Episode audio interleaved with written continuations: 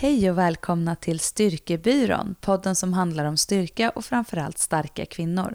Vi som pratar heter Johanna Barvelid och Klara Fröberg och jobbar som personliga tränare och med kommunikation. Idag ska vi prata om utrustning du behöver eller inte behöver på gymmet och varför vi tycker som vi gör.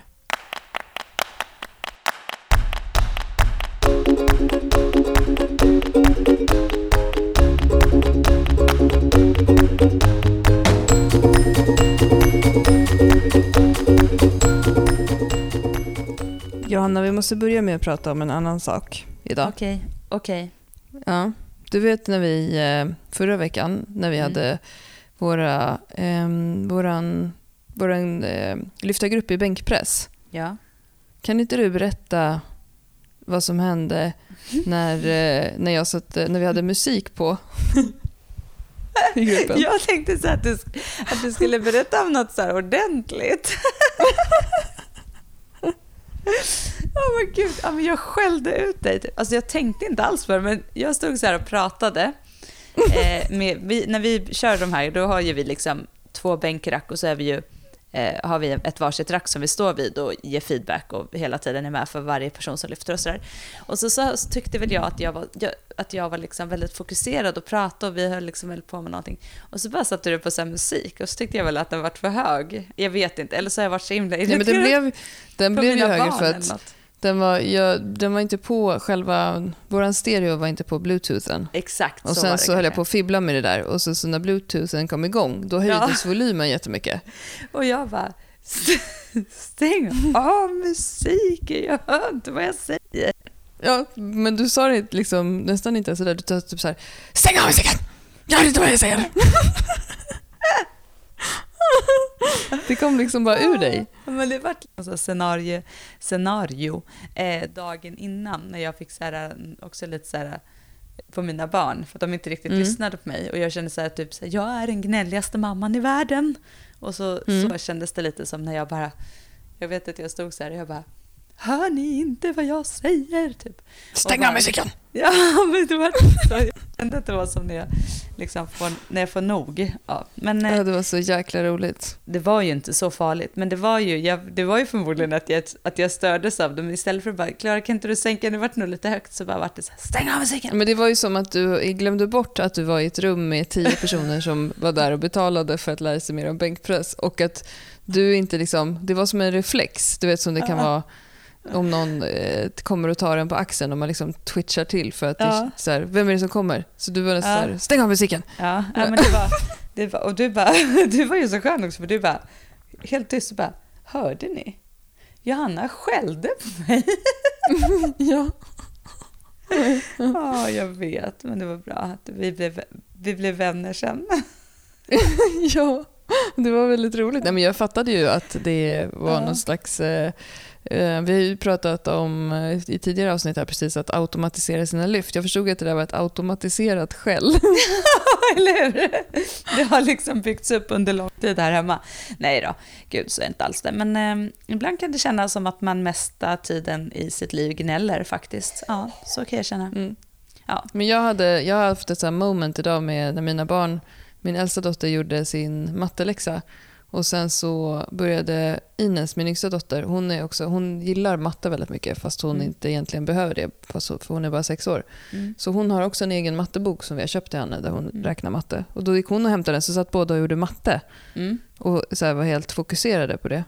Och, så, och då så sa Alma, så här, min äldsta dotter, mamma, om du vill kan du ta ett kort på oss och skicka till någon av dina kompisar så att de tycker att du är värsta proiga mamman. Alltså dina barn, jag älskar det. Alltså de är så underbara. Ja, du, oj, oj, oj. Ja, det var bra. Värsta proiga mamman. Du är värsta proiga mamman.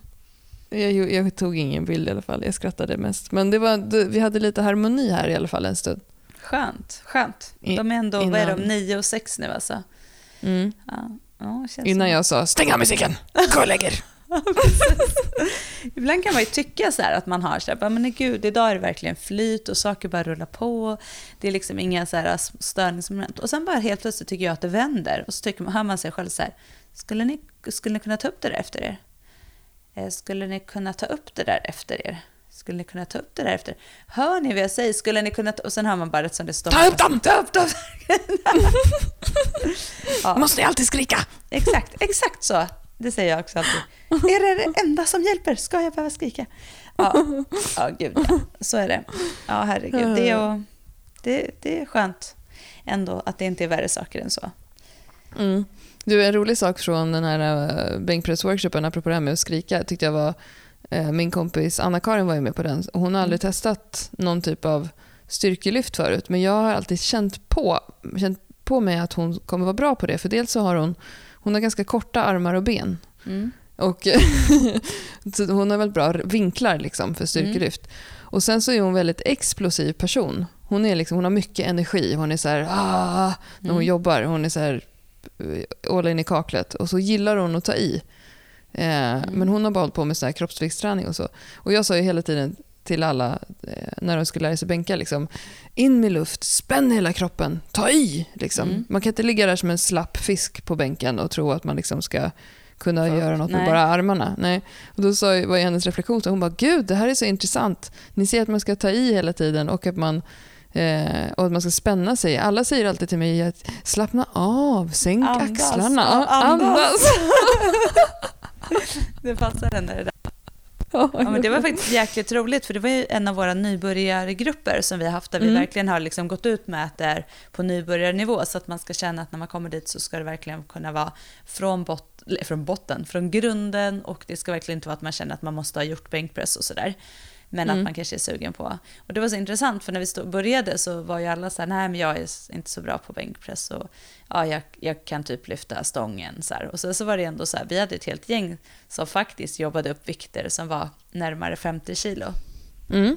Alltså, och, och det är intressant för att det, var ju, det är väldigt roligt när det är någon som, som eh, att när man går ifrån någonting sånt här och bara får ha så här wow-känsla för Mm. liksom hela övningen och förståelse för vad det är för något man ska göra. Eh, och att det är Mm. sån stor skillnad på att göra den, apropå det här du sa, med anspänning, med luft, med allting, Mm. jämfört Mm. med att liksom ligga där som en död sill och försöka pressa upp en stång liksom, utan någon aktivering och utan någon direkt fokus. Mm. Eh, Mm. Att det kan skilja så mycket faktiskt i, i vikt på som man klarar av att pressa. Det Mm. tycker jag är jäkligt kul när man får, när man får den liksom responsen och den känslan i gruppen att jäklar vad kul det var med bänk. Det var flera som gick därifrån och bara fan jag ska hem och bänka. Mm. Ja, också kul att den gruppen blev sl- slutsåld först. Ja men det är ju dem. våra bänk, bänk och eh, kins, eh, äh, bänk, kins, alltså allmänt överkroppsgrupperna, de är ju de som verkligen det, de hinner vi ju knappt, knappt släppa så är de fulla. Det är jätteroligt, Mm. så det får vi satsa mer på helt enkelt.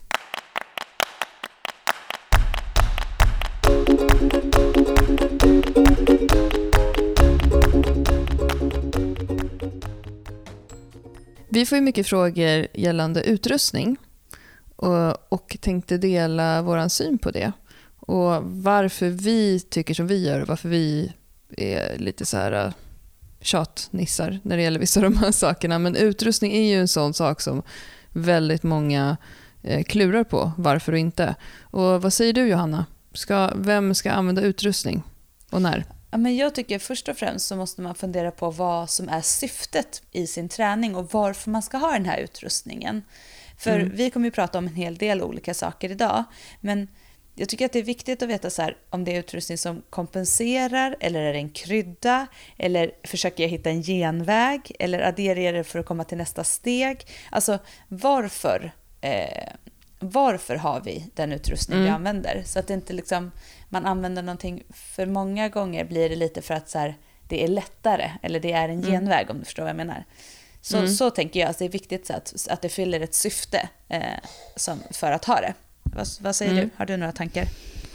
Ja, men jag, jag tycker samma sak. När vi eh, föreläser om eh, att planera sin styrketräning och att göra program och sådär, då, då brukar vi visa en pyramid som är liksom grunden för, för träning. Där, där basen måste finnas för att man ska kunna bygga uppåt. Det går liksom inte att bygga från andra hållet. Och basen är ju eh, att bygga stabilitet i kroppen, att jobba med rörlighet, att förbereda kroppen, att göra kroppen eh, mottaglig för att sen kunna jobba med i nästa lager eh, styrketräning, eh, addera explosivitet, eh, kanske jobb, börja jobba med maxstyrka och sådana saker. Och sen toppen av pyramiden, där brukar vi säga att där lägger man liksom sina skills och de här extra sakerna. Och där känner jag att där uppe börjar ju det här med utrustning komma för mig. När jag tänker på det utifrån en sån modell. Eh, sen så kan man ju använda massa grejer även för personer som kanske inte är på någon nivå att man behöver ta sin träning till ett annat steg. Man kanske är på en nivå där man egentligen bara behöver träna. Eller kanske att är, man behöver motivation för att träna. Då kan ju utrustning vara någonting som du sa, som en krydda. Mm. Men du, vad heter det? du har ju ändå, Klara, sedan en ganska bra tid tillbaka blivit lite av en materiallirare. ja, ja. Alltså, det är så skönt, för när man tränar med dig nu så är det ju liksom en, någon typ av vägen som du har. Började ju med en mindre variant av tygpåse. Och nu har ju din tygpåse utvecklats till någon typ tygpåse med så större botten och som har typ...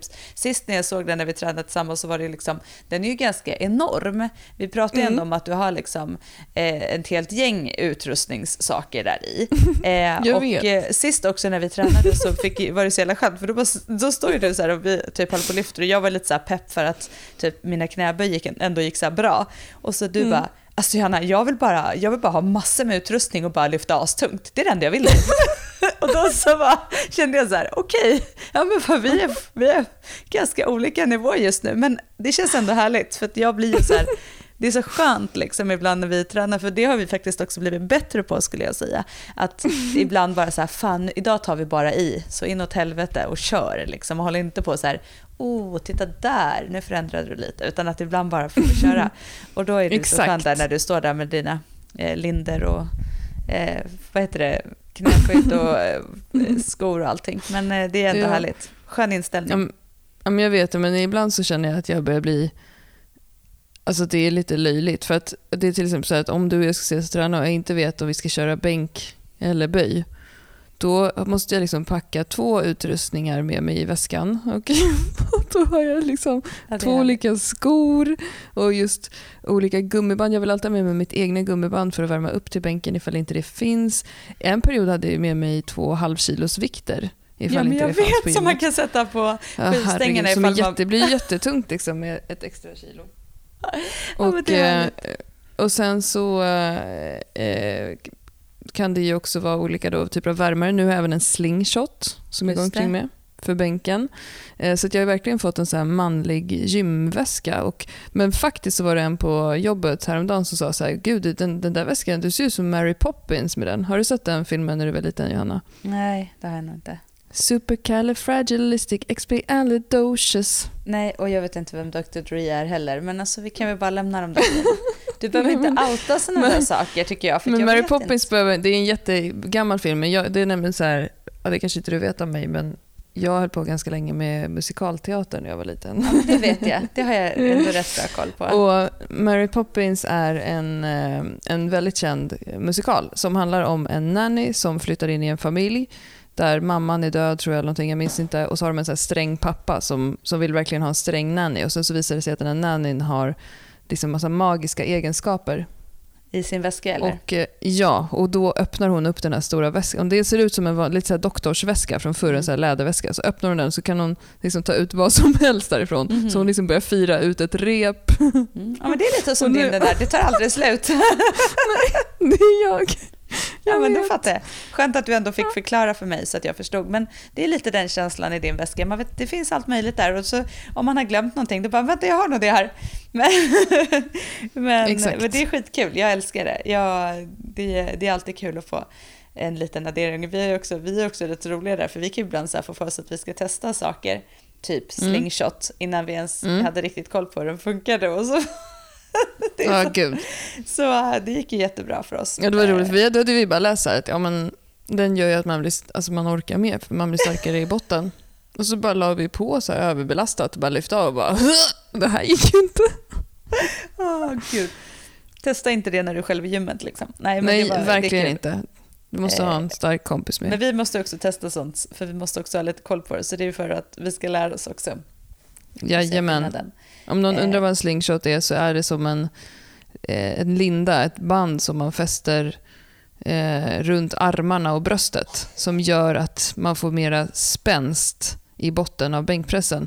Det blir samma effekt som om man gör så kallad hängbar bänk eller böj där man Mm. fäster gummiband högst upp i en rigg Mm. till exempel i power rack och så fäster man det runt stången så att man, när man sätter sig ner i en knäböj så, är det, så blir det liksom tyngst i botten. Men det blir samma effekt med slingshoten där att i botten så hjälper den till mer eh, när du bänkar med den. Och, ja. Mm. så det, vi kommer inte prata om varför folk ska ha slingshot för det ehm, tycker inte vi att vi får så mycket frågor om heller. Vi har inte så Nej. många lyssnare som brukar köra med slingshot. Men om det är någon Nej. som brukar göra det så, så berätta gärna. Jag tycker Mm. det är ganska kul, lite knepigt. Ja, väldigt knepigt. Det beror på lite vad man ska Mm. göra. Men eh, du, ska vi, eh, ska vi börja snacka lite utrustning då? Mm, absolut. Vi, vi har skrivit upp en lista på sådana saker som vi får mycket frågor om. Och Vi tänkte dra lite snabbt så här, ja och nej och eh, hur vi tänker på de olika. Ehm, så om jag börjar och fråga dig då Johanna. Mm. Eh, skor, Ja, vilka att och säga. varför? Ja, jag tror bara trodde jag skulle svara ja eller nej. Eh, nej, använd inte Ja, men, skor. eh, Ja. Lyftarskor versus eh, platta skor. Eh, Ja, eller löparskor. Alltså, vi har ju många som kommer på våra grupper som har löparskor. Vad säger du om det? Ja, nej men så här är det ju att när vi pratar om, nu pratar vi generellt om baslyften, alltså när vi vill lyfta tunga grejer, en skivstång tungt, eh, eller egentligen när vi vill lyfta tunga grejer, även om det inte är skivstång. Eh, det vi vill åstadkomma då är ju framförallt att ha en stabilitet. Alltså vi vill vara stabila mot underlaget och vi vill inte ha vi vill ha hårt underlag. Alltså vi vill inte att eh, stå och gunga i någon mjuk sko. Så vi säger alltid till våra kunder att ta bort eh, löparskon, då får du hellre köra i strumplästen. Eh, och det handlar ju om att när vi vill ta i, och man säger, att- eller man, man säger, det är typ Newtons lag, för varje riktad kraft finns en motkraft. Det vill säga att pressar jag någonting uppåt så, vill jag också, så kommer det också vara ett, ett tryck neråt. Och då vill vi ju att ha där fötterna står på golvet, att vi ska ha så lite, eh, vad ska jag säga, eh, då vill vi, ha, inte, vi vill inte ha någonting som är mjukt, utan vi vill ha så lite mellan som möjligt så att vi är stabila eh, och att det liksom går att trycka ifrån utan att vi står och gungar. Och sen såklart en stabilitet för foten så att det inte blir att vi att har en mjuk sko som vi glider runt i. Så det är en anledning. Det är såklart att det beror på vilket gym man är på, vart man tränar, att man kanske vill ha skor på sig. Eh, men om man tittar på löparskor kontra eh, en gymsko, om man kallar det för det, så skulle jag säga att en gymsko, om man ska satsa på det, skulle vara en sko som är...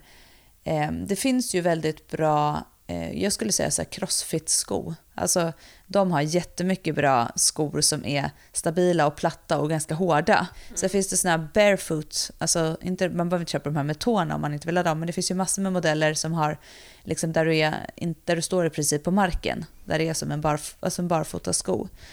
Eh, också superbra, går ju också att göra alla lyft i. Eh, så, att, så att ska man satsa på en gymsko och vill göra lyft och ändå vill känna att man kan ha sko på sig så ska man ha en platt, hård sko. Eh, och sen om man då tittar på eh, lyftarskor så är det ju så att en lyftarsko använder man ju, de som tävlar för att såklart eh, få lite extra hjälp, få en stabilitet framför allt, men att få den här lilla klacken för att komma ner kanske i sin böj eller eh, ja. Eh, och då handlar det ju om att de ska tävla. Och det som jag sa i, i inledningen, det här med att, att inte man har någonting som kompenserar någon, en svag länk, det vill säga att, att använda lyftarskor för att man inte har rörligheten, det tycker jag inte är speciellt smart. För att då anser jag, eller vi tror jag att jag kan säga att, det, att vi har ganska lika åsikter, att då är det bättre att jobba upp rörligheten så att man klarar av att hantera det och att man i sånt fall istället har skorna som en krydda. Eh, men däremot brukar vi säga till, för vi, när vi får kunder då som säger så här, ah, men det är så tråkigt och det är så skillnad och så här. Många gånger är det inte jättestor skillnad, det är bara känslan som är annorlunda. Men då kan man ju göra så att man kanske har lite variation, att man ibland får ha sina skor och så får man fokusera på att göra lite tyngre om det är det som man klarar. Och sen så kan man jobba utan skor också för att jobba upp rörligheten på sidan om. Men att det inte blir en kompensation just för eh, sin, till exempel sin rörlighet. Men lyftarskor har ju såklart jättemånga bra eh, bra saker med sig just när det gäller stabilitet och att det här att man står ordentligt fast på liksom ett, en punkt. Mm. Eh, så att, så att, eh, det är väl egentligen det om skor skulle jag säga. Men sen ska man också tänka på att många kanske tror så här, oh, jag vill ha lyftarskor för att det är kul att ha det och att det känns lite så här peppigt såklart. Men har man också, man måste också tänka på att lyftarskor är ju också för en viss typ av lyftstil om man tänker på mm. knäböj. Mm. Så mm. alla personer tjänar ju inte på att ha lyftarskor. Till exempel jag lyfter ju nu för tiden aldrig med lyftarskor. Mm. Jag hade ju en period när jag provade lite, men för mig blir det helt fel med den böjstil jag har. Eh, så ja, det är liksom... du, du, behöver liksom, du har inget problem att trycka fram knäna framför tårna och sitta ner, liksom, om man säger så. Nej. Nej, och det är ju som du säger, om du lutar dig mera bakåt i din böjstil, alltså har du mer, om man tänker att eh, vad säger man, vadbenet, underbenet är väldigt vertikalt från golvet upp mot knät, alltså rak linje, då behöver du inte ha en lyftarsko om du sitter bak med rumpan därifrån. Om du däremot pressar fram knäna mycket framför tårna när du sätter dig ner, alltså sätter dig djupt som en tyngdlyftare, då kan du ha eh, mycket utav att ha en lyftarsko. Men det är ju jätteindividuellt. Tittar man traditionellt inom styrkelyft och sådär så kan man se, tycker jag, en trend att de som lyfter riktigt tungt i knäböj och mm. många amerikaner och så vidare. Mm. De har inte lyftarskor. Tittar man på Isabella von Weissenberg som är en av våra absolut starkaste kvinnor i Sverige, alltså mm. våra starkaste i Sverige, skulle jag säga också. Mm. Hon har ju inte de här traditionella lyftarskorna med klack. Eh, Medan många, många andra har det. Så mm. ja, men det är ju man får hitta absolut. sin stil. Men man ska tänka på varför man har dem som sagt. Och vad de fyller för syfte. För man, man, måste inte ha dem och jag tycker att det blir knasigt om man använder saker för att det är en svag länk man ska laga. Nej, men samma sak. Jag tycker det viktigaste nummer ett är att man känner att man har en, ett stabilt underlag att jobba med. Och kanske om man, som du sa, att om man, om man nu känner att man har ganska dålig rörlighet eller att man borde jobba med den, att man då alltid kör sina första set i strumplästen om man får det för sitt gym. Vissa gym tillåter ju inte det, lite löjligt. Men så att man verkligen får jobba med foten mm. um, och liksom använda den. Och Sen kan man ta på sig ett par skor, om det är ett par lyfterskor eller ett par hårdare skor. Men att man ändå tänker hela tiden på att det inte är någonting. Det, det är lite så här, det ska inte vara som att man tar på sig parfym och deo för att man luktar svett. Nej. Så är det väl generellt med utrustning. Det blir Nej. liksom inte bra. Nej. Men skor som är liksom platta och hårda annars är ju generellt bra när man ska vara på gymmet. Och eh, det finns ju en uppsjö mm. av bra, bra skor. Mm. Alltså inte löparskor kan vi säga. Generellt så är det, det är det som no, man no. ska ta med sig. Ja, precis. Om man ska lyfta tyngre saker. Mm.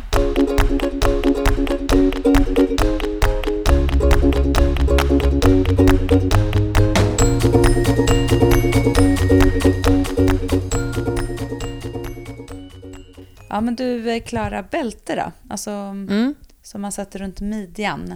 Lyftarbälte. Mm. Ja, eh, vi pratade lite om det i vårt förra avsnitt som handlade om eh, buktryck och inre aktivering. Precis. Ett bälte tar man alltså på sig när man gör sina tyngsta lyft. Det finns många som använder bälte i bänkpress också. Jag har provat det några gånger men jag har inte riktigt fått till det där. Eh, och, eh, men framförallt i knäböj och marklyft. Och det ger ju en ökad stabilitet runt hela bålen. Och om man jobbar med buktryck, som vi pratade om förra gången, det vill säga att man har förmågan att verkligen bli stark när man spänner ut både rygg och mage mot, så, så kan det här bältet verkligen hjälpa till. Och Det finns många forskningsstudier som visar att Eh, man får en ökad styrka i hela bålen när man använder ett bälte. Men då är det också som vi pratade om i förra avsnittet, för den som är nyfiken på det här, att addera inte bälte om du inte har en stark bål innan. Exakt. För det blir samma sak där. Bålen måste vara stark om vi ska jobba med tunga lyft, för det är liksom centrum av kroppen och det är där vi hämtar all kraft ifrån. Och är det så att jag vet med mig att, att jag inte kommer kunna göra mina knäböj Alltså det, är, det är skillnad på att göra maxlyft ju och att träna. Personligen, och nu är jag, det pratade vi också om i förra avsnittet, bålen är inte mitt problem när det gäller träning. Jag är stark i, i bålen, väldigt stark i bålen. Jag får addera bälte när jag går upp på eh, tre till två reps har jag bestämt. Mm. Men du Men använder det aldrig innan? Alltså, Nej, nej, nej. nej. och det är ju när du kör dina tuffa pass, de som du, har, Mm. som du just nu har som maxstyrkepass, som det kallas. Eh, Ja. men, men jag tror, och det är ju precis samma sak som med skorna. Om det blir en addering för att du inte har styrkan eller inte har rörligheten, som för skorna Mm. då har så många, så, så är det liksom, då, då, ham, då lurar du egentligen bara dig själv. För du vet ju att egentligen så behöver du jobba på din bålstyrka. Eh, men om du tar det där bältet så kan du lyfta lite tyngre och då fallerar ju lite av det här som vi pratar väldigt mycket om. Det här att kontrollera sina lyft, jobba med hastighet, gör aldrig eh, eh, repetitioner som är fula eller se till att Mm. alla repetitioner ser likadana ut. Och om du inte klarar att hantera det utan bälte så är det dit du måste först innan du Mm. börjar addera bälte. För att det finns ingen anledning att börja sätta på ett bälte när du är på dina eh, träningsvikter, om vi säger nu de som ska vara ganska lätta och snabba. Mm. Men annars är det ju, och då är det ju just eh, knäböj och marklyft som man ändå som är vanligast. Men som sagt, eh, bänkpress har jag inte jag heller fått till det, men det är många som har det. Så det finns ju absolut ett syfte med det också, att, att liksom få till det där trycket. Ja, Men jag upplever det vilket- svårast, att få till buktrycket med bälte i just bänkpress. Ja, verkligen. Det kanske vi ska undersöka lite närmare, bara för att klura på det. Mm. Jag vet att vissa använder bälte i bänkpress för att eh, fästa tröjan. Alltså att man inte ska hålla på och glida omkring extra Mm. Just mycket på bänken. Så, det, så det har ju det syftet också. Men, men eh, jag tänkte också säga att det finns olika bälten. Och eh, Det finns bälten som är lite smalare där fram och bredare i ryggen. Och De är ju främst tänkt för att göra just till exempel crossfit och tyngdlyftning med. De ger inte lika mycket stöd runt hela. Och Sen finns det styrkelyftsbälten och de är lika breda runt omkring hela och är extra bra då för att jobba eh, till exempel tunga knäböj, de här övningarna där man inte behöver lika mycket rörlighet i botten Mm, exakt. som kanske just när man gör ett, ett ryck eller så. Mm. Så det är två sorter kan man säga. Mm. Men eh, som sagt, eh, det kan vara kul att ha. Det är en rolig addering. Men ha det inte som kompensation för din bålstyrka. Nej. Okej, nästa då. Jojo Bear. Du fick ju lite tips eh, av en kille på gymmet när du stod och när du gjorde maxtest i sumomark när du och jag hade vår styrkebyrån-konferens sist. Ja. Då var det ju såklart, alltså även fast vi ser ändå, tror jag, ganska kompetenta ut i gymmet du och jag. Gör vi inte det? Ser vi inte lite farliga ut också? Ja, men jag vet inte. Men jag tror de här Jag personerna, det spelar ingen roll vad det är för person. Jag tycker inte att det ska spela någon roll heller. För det är just det som vi är så liksom, trötta på det här. Att man måste på något sätt Berätta. eh, visa och berätta. Liksom. Men det var ju en... en Ja, då fick en- du lite tips. Då fick jag ju tips att, drag, att jag skulle använda dragremmar för att då skulle jag, eh, skulle jag nog kunna få upp den där sista vikten också. Och då, är det alltså, då hade jag ändå dragit ett, jag hade inte gjort ett P, jag hade gjort PB i sumo visserligen för att jag har inte sumomarkat förut. Men jag har ju dragit den vikten i vanliga marklyft eh, Mm. innan jag fick Ludvig. Eh, Mm. Men det var ändå så här, det var ganska tungt liksom.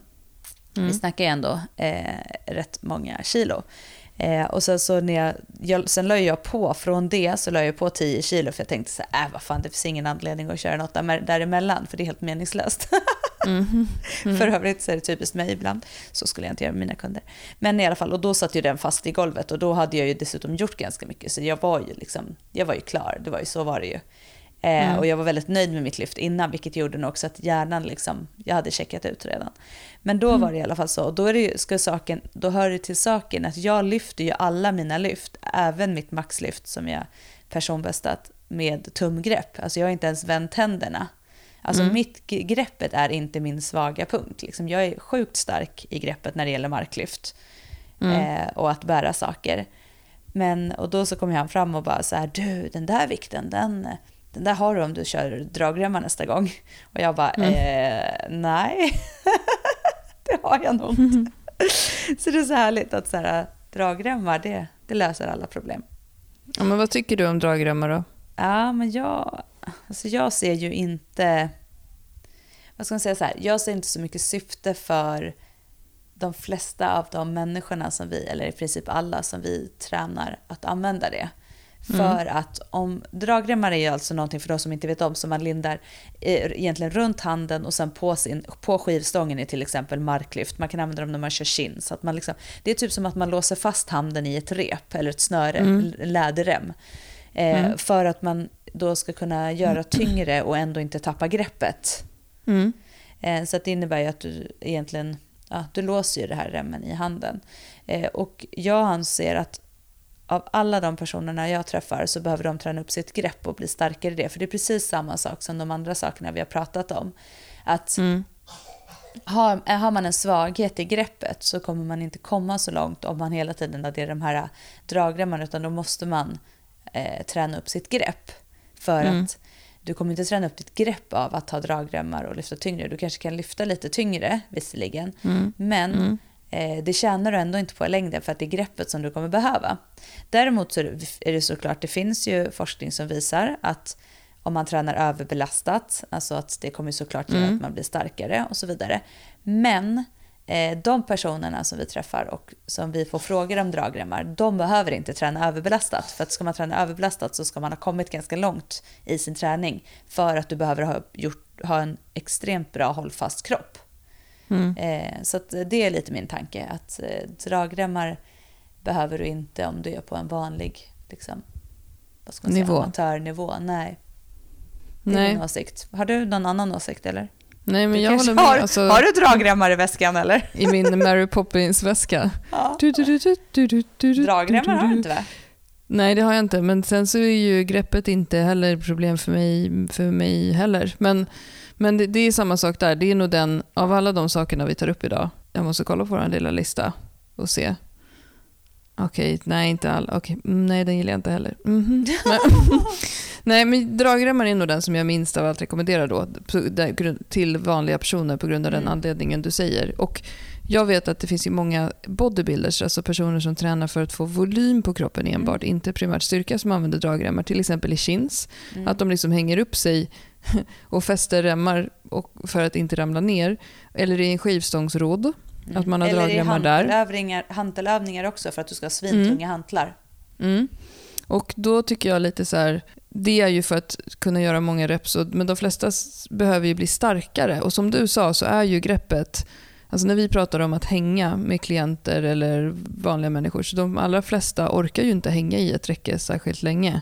Nej. Men ändå vill man kunna göra chins och kunna göra tunga marklyft. Och greppet är en svag punkt för många och det är någonting som du jag tror att det finns kanske de som tycker att det är en fördel med dragremmar att man till exempel inte får lika slitna händer eller att eh, man inte behöver träna greppet så mycket. Man ser det som en fördel men det är ju tänk om du, om du har en liksom, ambition att någon gång kanske tävla, vilket man absolut inte behöver, men då, kommer du, då får du inte ha dragremmar. Liksom. Så att, nej, och där tänker jag också så här, vi säger ju alltid det på våra grupper, bara påminner om att så här, ni som följer många personer på Instagram, tänk på att när ni ser så här, sjukt starka människor som har, gör massa häftiga grejer, att de tävlar. Och de kommer alltid, är man på en hög nivå och tävlar då kommer man alltid försöka ta den lättaste vägen för att vinna en medalj. Men vanliga människor behöver inte träna på det sättet. Och Jag tänker på till exempel som jag nämner nu för andra gången i det här avsnittet att en av världens starkaste personer, Isabella von Weissenberg, eh, som är så galet cool tycker jag. Hon använder dragremmar när hon gör skivstångsrodd till exempel. Då står hon liksom och mölar skivstångsrodd med mer än 100 kilo på stången. Exakt, hon har inte så 30 kilo. Nej, och jag menar hon, jag vet inte ens hur mycket hon drar i mark. Jag vet att hon böjer 200 kilo och definitivt drar mer i mark än det. Um, hon har liksom inte ett svagt grepp. Nej, men det, och det är väl det som blir, tycker jag, många gånger den här missuppfattningen när vi träffar klienter som är så här, ja men hon har det och varför ska inte jag ha det och varför? Mm. Att det är det här hela tiden som vi pratar om, att vad är det för människor som har det och varför har de det? Alltså syftet mm. för dem, alltså är man uppe på så 3.0 eller vad det nu är, 2.0, 2.5 sin kroppsvikt i de här grejerna, då är det mm. så här det är lite skillnad än om du inte är superkroppsvikt på den, de här mm. sakerna. Alltså man måste skil, särskilja det. Och mm. jag anser att försöker man liksom komma Försöker man hitta de här överbelastade grejerna och inte ha kropp för det och är förberedd mm. för det, då är sannolikheten större att du skadar dig. Och då blir det ändå lite meningslöst kan jag tycka. Så att, Ja, Liksom- alltså om, om man googlar på dragremmar då hittar man massa ställen där det säljs där det står så här, ett sätt för dig att lyfta lite mer. mm, Det är beskrivningen av det. Och då kan jag känna så här, ja fast de allra flesta ska inte göra det. Alltså, nej, de ska lära sig lyfta bra exakt. Exakt. istället. Eh, Det finns ju dragremmar en till anledning som vissa använder det och det är de som har väldigt dålig rörlighet i handlederna när de är frontböj. Mm. Då har de dragremmar på stången och håller i den. Det tycker jag är lite roligt. Men Mm. ehm, det kanske inte är världens viktigaste i hela världen att eh, ha perfekt rörlighet i handleden till sina frontböj. Eller? Ja, jag vet inte. Men ehm, nej, de flesta behöver inga straps. Nej. Och nästa punkt då, Klara, det är ju verkligen en favorit för dig. Nej, jag skojar bara. Nej, de här finns inte heller i Klaras väska, det kan jag lova. Eh, inte, en, eh, när, inte ens i närheten av det. Handskar, Mm. Alltså gymhandskar. Mm. Vad säger du? Ja, går eller diss? Eh, diss. Det var det jag såg innan polisen när jag skulle prata om dragremmar. Det är ju också väldigt mycket diss för min del. Förklara varför, för jag tror att det är många som... Många använder ju handskar... Nej men nu Klara, nu tar du lugnt här. Många använder ju handskar för att man inte vill ha valkar i händerna. Och det är därför Mm. du tycker att det är töntigt, för du tycker att det är coolt med, med valkar.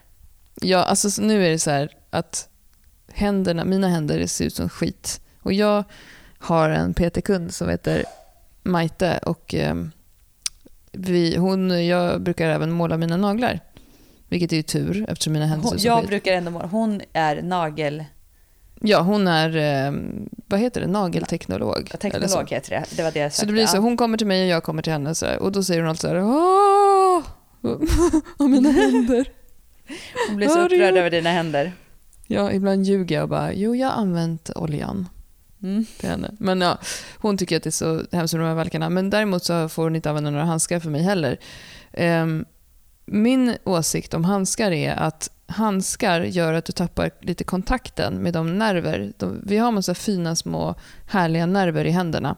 Och som, som vår gamla kära naprapatkollega Helena lärde oss att säga att händerna och armarna är egentligen utväxter av skulderbladen bara. De hänger ihop med skulderbladen. Det är liksom eh, en del av dem. Och om vi vill kunna ta i med ryggen, och vi tjatar ju jättemycket på våra kunder om det här med skulderbladsaktivering och kontroll på ryggen för att det är så många som är så dålig. Då måste vi också kunna ta ett rejält grepp om händerna. Och där är nummer ett varför jag inte tycker man ska använda handskar. För att eh, det helt enkelt eh, inte gör att du får lika bra kontakt. Och sen nummer två, det här med valkar och så. Jag upplever att de som har handskar, de får ändå, de håller, får ändå liksom en viss friktion där under handskarna. Ehm, så det är klart att du kanske får lite mera valkar då när du lyfter en stång, men valkarna hjälper ju också till att lyfta en stång. Alltså du kommer ju bli bättre och starkare om du får använda det naturliga greppet och få lite valkar i händerna. Om det ändå är syftet så att du tränar att bli starkare, då är det bra. Valkarna blir ju som en typ av magnesium. Precis tvärt dragremmar också. Du behöver jobba med dina händer. Det är liksom händer och fötter tjatar vi om nu i det här programmet. Glöm inte dem. Alltså, det, vi använder dem på fel sätt i, i det här samhället. I det här samhället. Ja, men jag såg någon så här fysioterapeut som gjorde något in, argt inlägg om det här med plantarfascit, alltså häl, hälsporre och hälproblematik som Mm. många får. Att liksom han bara, men alltså alla som tror att de ska lösa sin hälproblematik med att tejpa foten och gå och köpa inlägg. Mm. Alltså, varför har du fått det här problemet? Jobba med det, lös det, hitta orsaken. Eh, och samma sak är det ju med den här utrustningen som vi drar. Du, du, liksom, du kommer inte bli starkare om du placerar in dig i massa vadd och sen tror att du ska lyfta tungt. Nej. Nej, men, och jag tycker en anledning, alltså en, en stark anledning stark nog som du sa, det, var, det är ändå det här med nerverna i händerna. Det är ju inget som Mm. du har hittat på, utan det är ju faktiskt så att vi har det. Så det Mm. tycker jag är verkligen att man, just det här att, Det finns Att- forskning på det som Paolo. Roberto brukar säga. exakt, vill vi bli starka och kunna nypa åt ordentligt så hjälper vi ju till med det när vi då tar bort handskarna för att händerna får vara direkt mot stången. Ja, greppet, greppet, greppet. Ja, exakt. Greppet igen. Greppet, Mm. träna upp greppet. Och som sagt, lyfter du, till, eh, lyfter du tillräckligt tungt så kommer det inte vara skönt med handskar heller för de kommer bara korva sig där inne.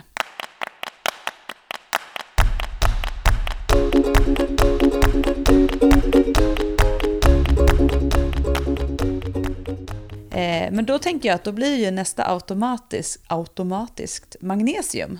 Mm. Det är ju faktiskt en, en eh, utrustning, tänkte jag säga. Det är väl ett, ett, ja, men ett tillbehör, utrustning, som Mm. vi gärna använder ordentligt av, eller hur? Eller där, kan, där är det Mm. lite pro, va? Mm. Ja, det tycker, det tycker det vi att alla, alla ska ha i sin gymväska som nu måste vi vara tränar. lite snälla. Precis. Ja, men magnesium tycker jag, det är ju så här ett godkänt fusk, man säga. Man, tor- man blir lite torrare i händerna, vilket gör att man får bättre grepp. Men det förstör ju ingenting i Nej. greppet. Och vad är magnesium då, för de som inte vet? Alltså det är, eh, antingen så, så finns det i pulver, i sådana block, eller i flytande form. Eh, det som också brukar kallas för kalk.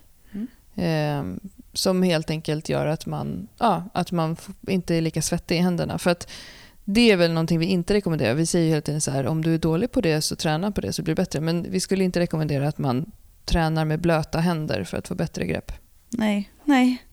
Nej, men om man ska hänga och använda skivstång så är det ju, det, så är det ju, kommer det underlätta eh, greppet och du kommer få bättre grepp om du använder magnesium. Och det märker vi väldigt ofta när vi har våra grupper, just när vi ska hänga, göra chins, eh, Mm. att, och även i marklyft framför allt. De två skulle jag säga är det vi märker mest.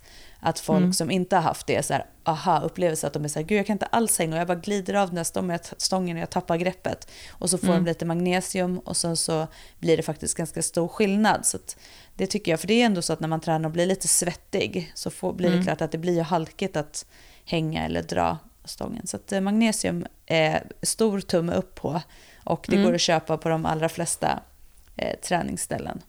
Mm. Verkligen. Så Ja. att det, det kör vi, det gillar vi. Vissa använder det ju på ryggen till och med när de ska bänka. Ja, det, ja, det är bra. Och rumpan såg jag att det var, jag kollade på en eh, film här man som körde, jag vet inte om det är för bänken. Eh, Jaha, ja men ja. just det, för att verkligen sitta fast där i Mm, bänken. mm. Eh, och sen, däremot om man, om man eh, inte vill att eh, skivstången ska fastna på benen när man gör Ja. marklyft, då ska man ha babypuder, inte magnesium. Ja, titta. Det ser ut som de har det för att det är ju så här vitt. Ja, exakt. Men det, magnesiumet gör ju kanske att det blir lite mer sticky medan babypudret gör att det glider mer. Ja. Det har jag däremot inte i min träningsväska. Nej, men det ska jag addera däremot, för jag gjorde ju marklyft med korta byxor ju. Och jag höll ju, Mm. det ska jag ha med mig till Thailand. Mm. Gött, bra där. Bra, titta. Mm. När vi åker på träningsresa. Ja, men eh, grymt. Ska vi gå vidare i utrustningen här nu då? Japp, Johanna. Ja, Nu, drar vi några, nu drar vi tre stycken korta, okej? okej. Knävärmare. Nej. Jag säger ja. Okej, varför? Nej, men det är samma, egentligen säger jag inte jag. jag. Samma sätt där. Använd det inte som någonting... Du ska ju fasen inte göra knäböj om du har ont i knäna. Nej. Varför har man knävärmare? Vad är syftet egentligen? Nej, men det är värmare, det hörs ju på namnet. Värmare. Men, eh, och det är skillnad här på lindor och värmare. Lindor är något som man bara får ha om man tävlar i utrustad styrkelyft till exempel. Men värmare kan du addera då till dina tunga knäböj och det ger en ökad stabilitet i knäna. Det finns de som menar att knävärmare gör att du får en bättre känsla för var du har knäna också. Alltså att själva rörelsen blir bättre. Eh, Men det ger ju verkligen en ökad stabilitet. Det är superskönt att ha knävärmare i knäböjen. Däremot kan jag tänka mig om man gör såna här böj som du gör Johanna, att man verkligen sitter bak och kanske Mm. inte bryter eh, lyftet. Du bryter ju dina böj mer i höften då Mm. och inte lika mycket i knäna. Då kanske det inte är lika viktigt. Däremot, men alltså bara som en så här skön led, ledstabilitet och ledvärme. Mm. Men, så eh, där säger ja. vi ett lite så här, ja det kan man väl ha när man lyfter tyngre, men det är inte något som man måste ha och eh, det ska ju aldrig vara på grund av att man inte klarar av det annars. Nej, precis. Så det är Mm. samma sak som de övriga utrustningarna. Eh, men nu då, den här Johanna, eh, ehm, som kan vara lite rolig. Gummiband då? Ja, gummiband älskar vi. Gummiband ska Mm. man ha i sin väska i alla dess former.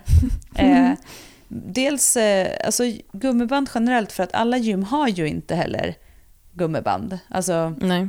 Så att, att man har egna gummiband tycker jag är, självklart när man ska göra saker ordentligt. Men framförallt gummiband kan man ju använda dels som komplement för exempelvis när man jobbar med rumpaktiveringar, alltså som en Mm. addering för att det ska bli tuffare.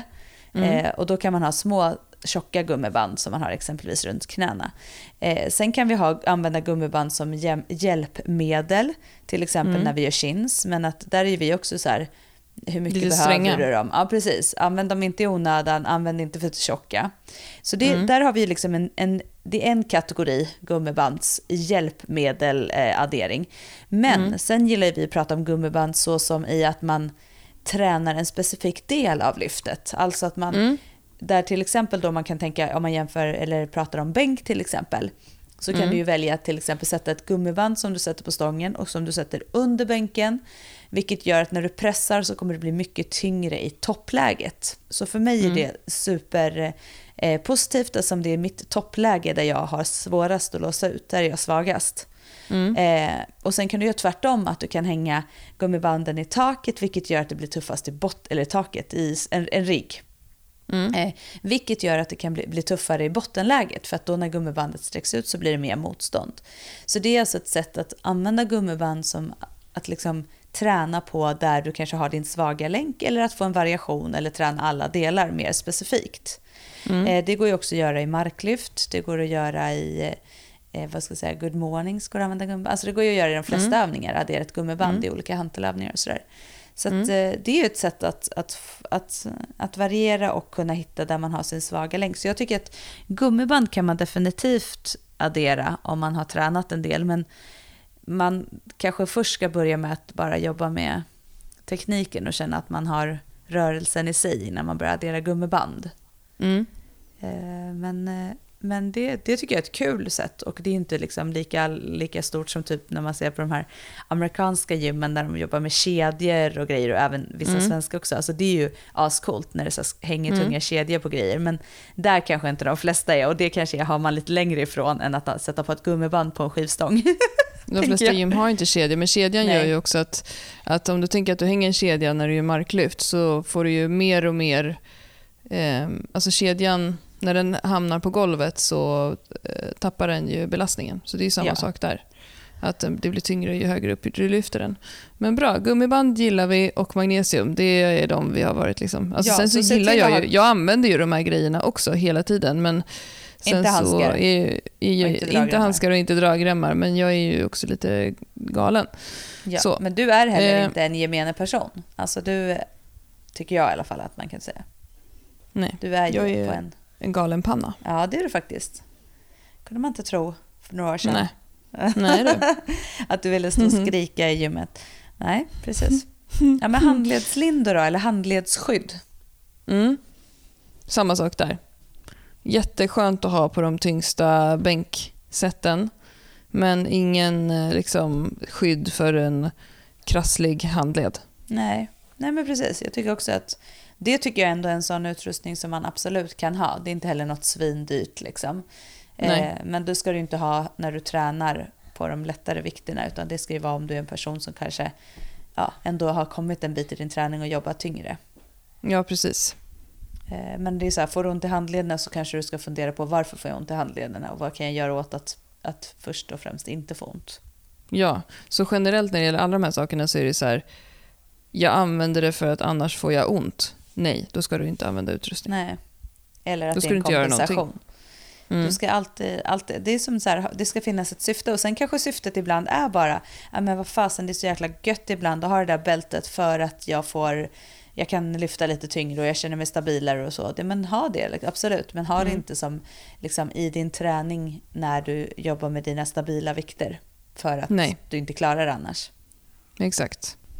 Handledsskydd, eh, gummiband, knävärmare, handskar, dragremmar, bälte, lyftarskor eh, eller skor generellt. Nu tycker jag att vi har gjort en bra lista här på utrustning och hur vi tycker eh, vad vi liksom har för toleransnivå när det gäller utrustning. Vi har inte tagit upp det här med kamera, kit och stativ och sånt på gymmet för det tycker jag är en egen kategori Ja, utrustning absolut. som vissa håller på med. Ja. Mm. Så för att, för att, för att säga, sammanfatta dem där lite så är det magnesium, kör, gummiband, Mm. kör. Mm. De andra, Verkligen. se till att du har ett syfte med varför du gör det. Ja. Och Mm. är du eh, stark eh, och biffig som vi är så absolut. är du stark och biffig som vi är? Ja, fan. ja, jag Du är så ödmjuk, mig. Klara. Ja, jag vet, jag vet. Förlåt. Jag ska sluta vara det. Ja. Ja. Men, Eh, eh, dryg alltså. ja. Du använder Mm, men- mycket mer utrustning än vad jag gör. Jag vet, jag kan Men- knappt gå in på gymmet längre. Jag är så här, eh, ja, det är tungt och det är, liksom, det är stelt. Och jag, jag bär, det är som att jag är liksom ute på någon så här, vad heter det?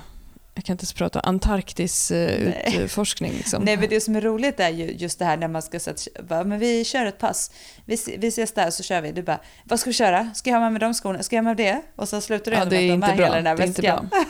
Det är inte bra. Det måste Nej, vi sluta med. Det är för att du är så stark. Du måste ju ha det här. Du, men det är så det är.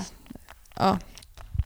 Vad säger ni om utrustning? Vad använder ni för utrustning och varför? Dela gärna med er till oss. Vi älskar ju det. Och eh, som vanligt, hissa eller dissa avsnittet. Vad tycker ni? Hej då! Ha det så bra!